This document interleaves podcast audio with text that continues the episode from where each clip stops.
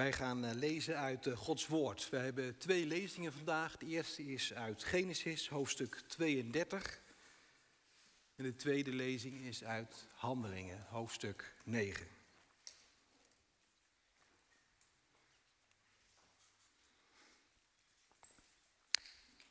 Het was nog nacht toen Jacob opstond en de Jabok overstak op een doorwaadbare plaats, samen met zijn beide vrouwen zijn twee bijvrouwen en zijn elf zonen.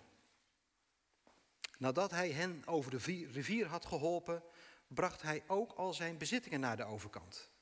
Maar zelf bleef hij achter, helemaal alleen. En er worstelde iemand met hem totdat de dag aanbrak. Toen de ander zag dat hij het niet van hem kon winnen, raakte hij Jacobs heup aan. En daardoor raakte Jacobs heup tijdens die worsteling ontwricht. Toen zei de ander: Laat mij gaan, het wordt al dag. Maar Jacob zei: Ik laat u niet gaan, tenzij u mij zegent. De ander vroeg: Hoe luidt je naam? Jacob, antwoordde hij. Daarop zei hij: Voortaan zal je naam niet Jacob zijn, maar Israël. Want je hebt met God en mensen gestreden en je hebt gewonnen. Jacob vroeg, zeg me toch uw naam. Maar hij kreeg ten antwoord, waarom vraag je naar mijn naam? Toen zegende die ander hem daar. Jacob noemde die plaats Peniel, want, zo zei hij, ik heb oog in oog gestaan met God en toch is mijn leven gered. Zodra hij bij Penuel was overgestoken, ging de zon over hem op. Jacob liep mank. Omdat de ander hem had aangeraakt bij de spier die boven het heupgewricht ligt, eten de Israëlieten de heupspier niet, tot op de dag van vandaag.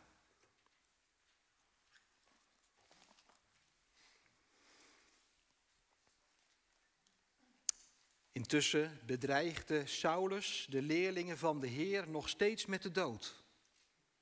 Hij ging naar de hoge priester met het verzoek hem aanbevelingsbrieven mee te geven voor de synagoge in Damascus, opdat hij de aanhangers van de weg die hij daar zou aantreffen, mannen zowel als vrouwen, gevangen kon nemen en kon meevoeren naar Jeruzalem. Toen hij onderweg was en Damascus naderde, werd hij plotseling omstraald door een licht uit de hemel. Hij viel op de grond en hoorde een stem tegen hem zeggen: Saul, Saul, waarom vervolg je mij? Hij vroeg: Wie bent u, Heer?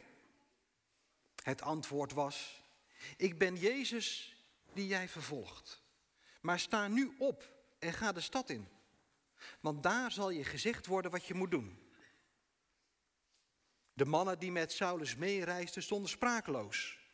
Ze hoorden de stem wel, maar zagen niemand. Saulus kwam overeind. En hoewel hij zijn ogen open had, kon hij niet zien. Zijn metgezellen pakten hem bij de hand en brachten hem naar Damascus. Drie dagen lang bleef hij blind en at en dronk hij niet. Dit is het woord van de Heer.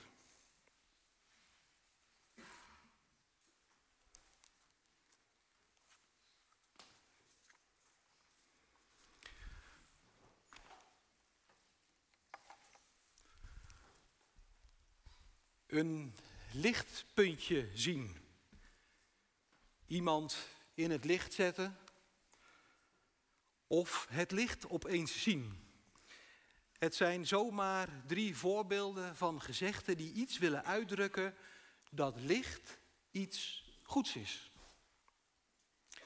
En donker is de afwezigheid van licht en dus de afwezigheid van iets goeds. En ook daarvan hebben wij allerlei Nederlandse gezegden om dat uit te drukken. Door een donkere bril kijken, iets donkere kleuren of bijvoorbeeld de toekomst donker inzien. Dat licht staat voor goed, en donker voor niet goed, dat komen we niet alleen tegen in ons Nederlands spraakgebruik, maar ook in de taal van de Bijbel. Ik heb drie voorbeelden. Als het goed is, komt er nu de eerste op het scherm. Het volk dat in duisternis ronddoolt, ziet een schitterend licht. Het zijn de bekende profetische woorden van Jezaja, die we later ook weer in het evangelie van Matthäus tegenkomen. Duisternis als niet goed en licht als wel goed. En het tweede voorbeeld uit het evangelie van Johannes. Een evangelie wat sowieso bol staat van beeldspraak over met name donker en licht, ook in het eerste hoofdstuk. Maar hier horen wij Jezus over zichzelf zeggen, ik ben het licht voor de wereld. Wie mij volgt, loopt nooit meer in de duisternis, maar heeft licht dat leven geeft. Donker als afwezigheid van goed en licht als goed. En het derde, het laatste voorbeeld, ik had er nog veel meer kunnen meenemen natuurlijk, komt uit de brief van Paulus aan de gemeente in eh, Efezië, waar hij de gemeente woorden van bemoediging spreekt. Want eens was u duisternis, maar nu bent u licht, nu u de Heer toebehoort. Ga daarom allemaal de weg van de kinderen van het licht. Nou, en al deze voorbeelden laten zien dat licht gaat over de aanwezigheid van God. En donker, het tegenovergestelde, over de afwezigheid van God. En wij willen natuurlijk allemaal ja, lichtpuntjes in ons leven. En als we mogen kiezen tussen staan in het licht of de toekomst donker inzien, kiezen we natuurlijk voor dat eerste. Maar, dat hoef ik u, jou natuurlijk niet te vertellen, wij leven niet in een wereld waarin we alleen maar in het licht kunnen staan. Er zijn niet altijd alleen maar lichtpuntjes in ons leven. De 40 dagen tijd, de lijdenstijd, waar we vandaag, derde zondag, bij stilstaan. Staan we stil bij het, ja, bij het lijden van Jezus, maar ook bij het lijden in deze wereld en in ons eigen leven. Ja, en dat getuigt daar eigenlijk ook van. Nou, dan is dat duidelijk, denk ik. Hè? Licht is goed en God is te vinden in het licht. En dat is allemaal helemaal waar. En daar wil ik vandaag, de zon begint al bijna te schijnen, daar wil ik helemaal niets op afdoen, op afdingen. Maar toch, maar toch, door onze focus, misschien zelfs wel eenzijdige focus op het licht in ons dagelijks spraakgebruik, maar ik denk ook wel in de kerk, missen we misschien wel dat er ook waarheid is te vinden in de tegenovergestelde richting. Dat God ook te vinden is in het donker.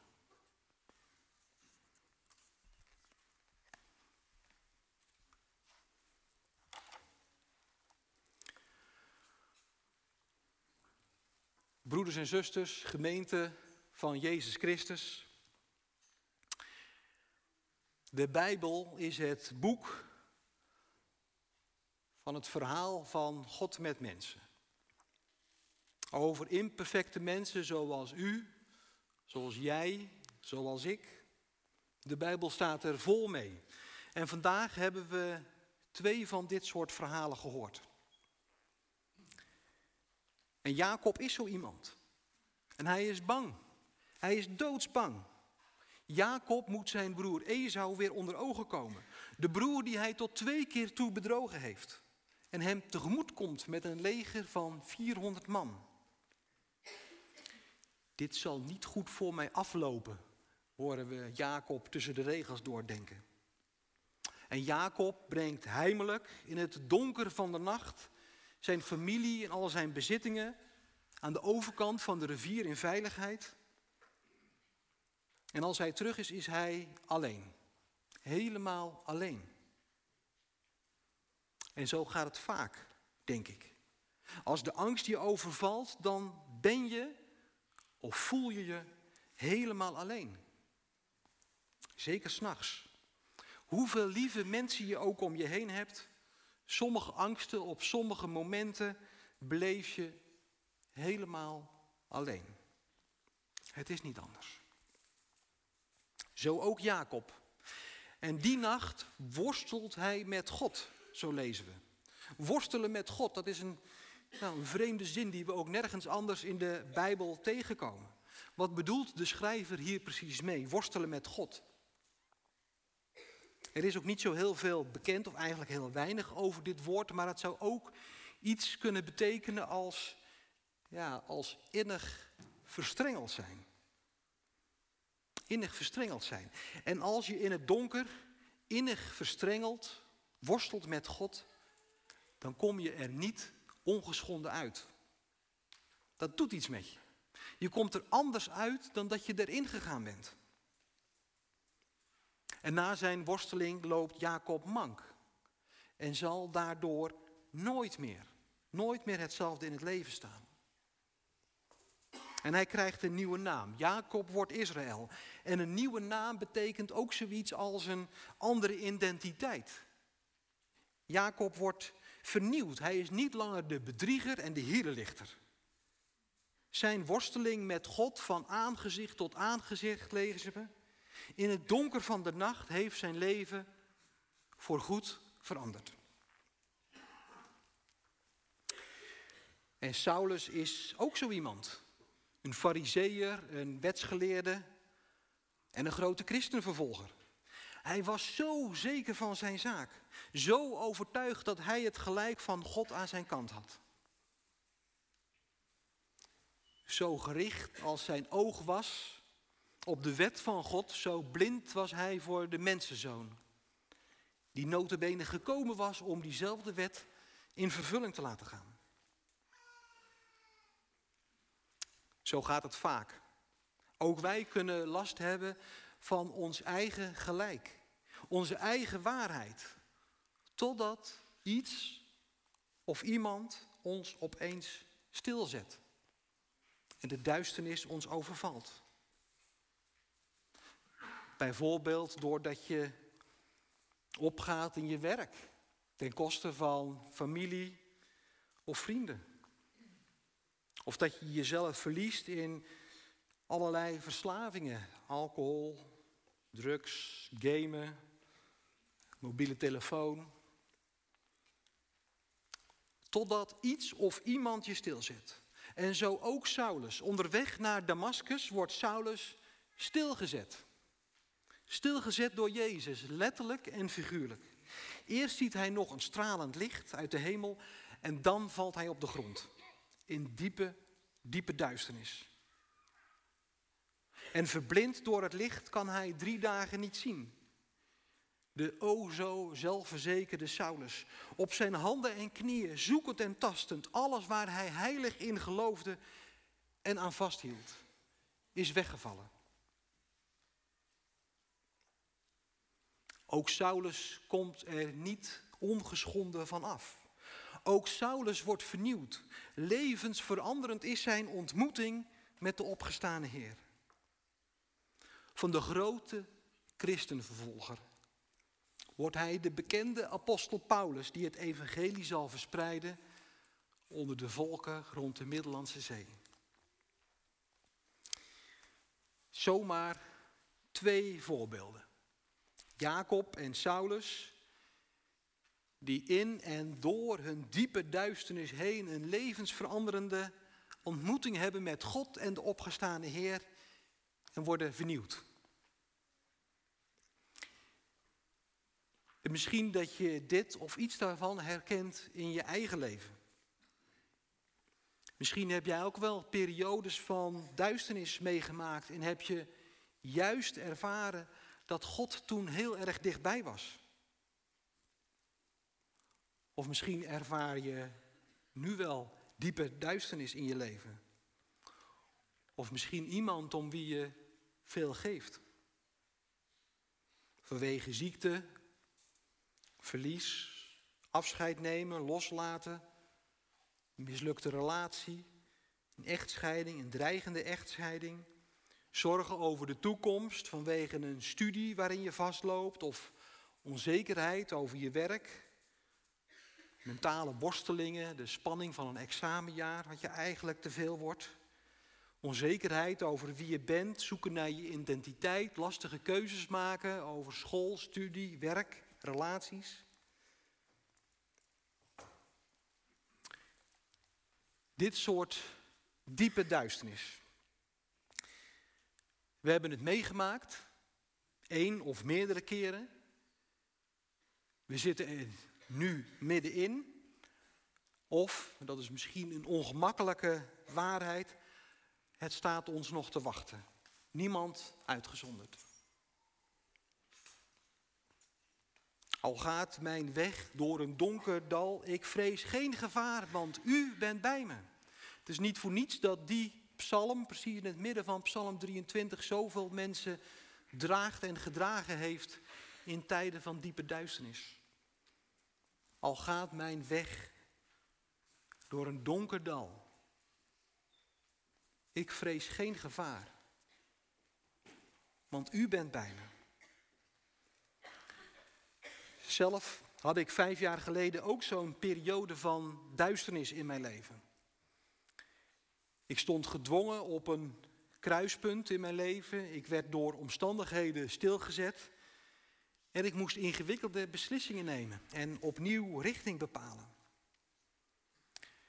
En dat ging gepaard met onzekerheid, ook met angst.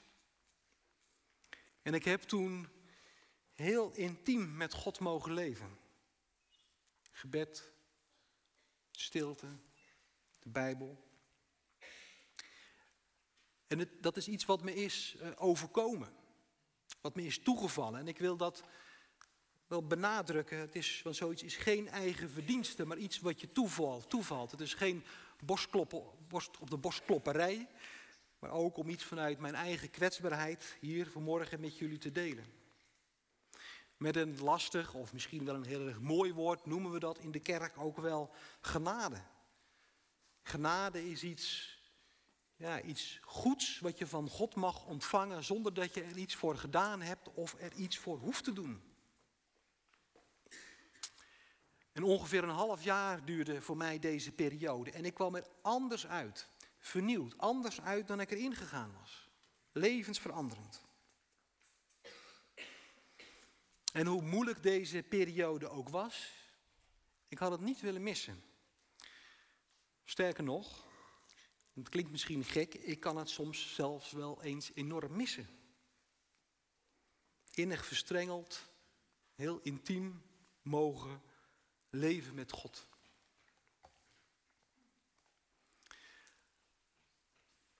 Lieve mensen, ik wil geloven, ik geloof, dat als we bidden tot Jezus, die we tegenkomen op de weg naar Jeruzalem, die we huilend ontmoeten in het donker in de tuin van Gethsemane. Die we zien lijden op die gitzwarte middag daar op Golgotha. Die verborgen ligt in de diepe duisternis van het gesloten graf. En waarvan wij vandaag zingen en getuigen dat Hij is opgestaan en leeft. Als we bidden tot die Jezus, die zelf diepe, diepe duisternis heeft ervaren dan geloof ik dat Hij zich laat vinden en ons tegemoet komt in onze eigen diepe duisternis. En het is mijn verlangen en gebed dat je dat zelf hebt mogen ervaren, of ervaart, of zult ervaren. Maar wel een belangrijke disclaimer hierbij. Ik heb daar geen mooi Nederlands woord voor. Wat misschien Zit jij hier wel en hoor je dit aan en heb je zelf zo'n periode van diepe duisternis in je leven ervaren of zit je er misschien wel middenin en merk je helemaal niets. Helemaal niets van de aanwezigheid van God. En misschien voelt God wel verder weg dan ooit en voel je je eenzaam en verlaten. En ben je misschien juist wel heel erg boos op God. En ik kan me dan zo goed voorstellen Ik kan me dat echt goed voorstellen dat dan een verhaal over een God die je opzoekt in je diepe duisternis, dan frustratie of misschien zelfs gewoon boosheid oproept. Ik wil heel graag tegen je zeggen, als dit jou betreft, dat is helemaal niet mijn bedoeling. En als je dat nu zo voelt, dan wil ik ook benadrukken dat dat niet iets is wat aan jou ligt. Ik zei het net al, het is iets wat, je, het is iets wat ons toevalt. Het is genade. En we zullen er zo dadelijk voor bidden, ook voor jou. En wat nu als jij, u, in zo'n periode van duisternis zit? Nu, op dit moment. Ja, natuurlijk verlang je dan naar lichtpuntjes. En natuurlijk is dat je gebed. En ik wens en bid je dat ook van harte toe. En dat gaan we zo ook doen. Maar tegelijkertijd hoop en bid ik dat de leidende God door jouw lijden heen ook jou mag vernieuwen. Dat je net zoals Jacob, net zoals Saulus, innig verstrengeld met God, misschien zelfs wel worstelend met God, door de duisternis heen de vernieuwende kracht van Jezus mag ervaren. Een levensveranderende gebeurtenis.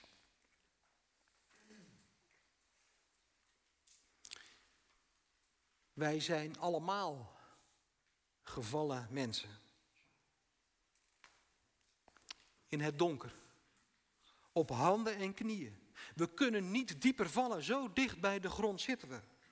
Als het zicht ons ontbreekt, zoekend en tastend naar een uitweg.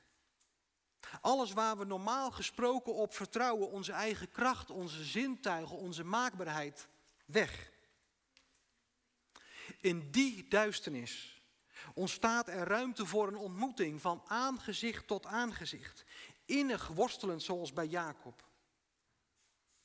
Een ontmoeting met de opgestane Heer, net zoals bij Saulus. Een ontmoeting die ons blijvend zal vernieuwen. Dat het zo mag zijn, zullen wij bidden.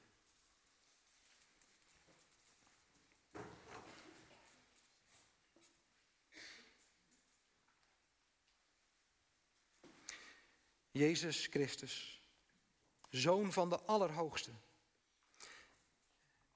Wij danken u voor de weg die u bent gegaan. Onderweg naar Jeruzalem, via de tuin van Gethsemane naar Golgotha.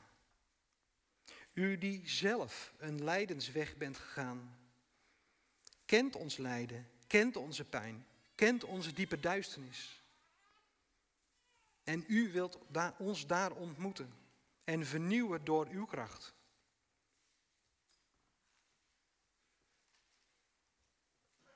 Wij danken u voor mensen die dat in periodes van diepe duisternis hebben mogen ervaren. Dat u als een God ons tegemoet komt in alle aspecten van het leven. Niet alleen in het licht, maar ook in de duisternis. En dat u ons door ons lijden heen wilt vernieuwen. Wij bidden voor mensen die zelf nu in een periode van diepe duisternis zitten. Mensen hier aanwezig. Mensen die online met ons verbonden zijn. Mensen die later deze dienst terugkijken. Mensen over wie we veel geven. En aan wie wij nu moeten denken. Periodes van diepe duisternis vanwege ziekte, afscheid nemen, los moeten laten, zorgen over de toekomst vanwege school, studie, relaties, werk, moeilijke keuzes waar we voor staan, mentale worstelingen, als het leven ons overvalt en te groot is geen uitweg meer zien? Voor al deze mensen, Heer, bidden wij. Niet alleen om genezing, vrede, nieuwe uitzichten, nieuwe perspectieven, maar ook dat u hen tegemoet komt in hun duister. Dat zij u ook daar, of misschien juist daar, mogen ontmoeten. En Heer, u bent een God die in en door mensen heen werkt. Dus wij bidden of u via lieve mensen bij hen wil zijn. Bij hen die nu in diepe duisternis zitten. En wij bidden of wij zelf ook dat soort mensen kunnen en mogen zijn. In en door u aanwezig bij mensen die het zo hard nodig hebben. Met onze handen en ons hart, hoog naar de hemel geheven, bidden wij zo. Amen.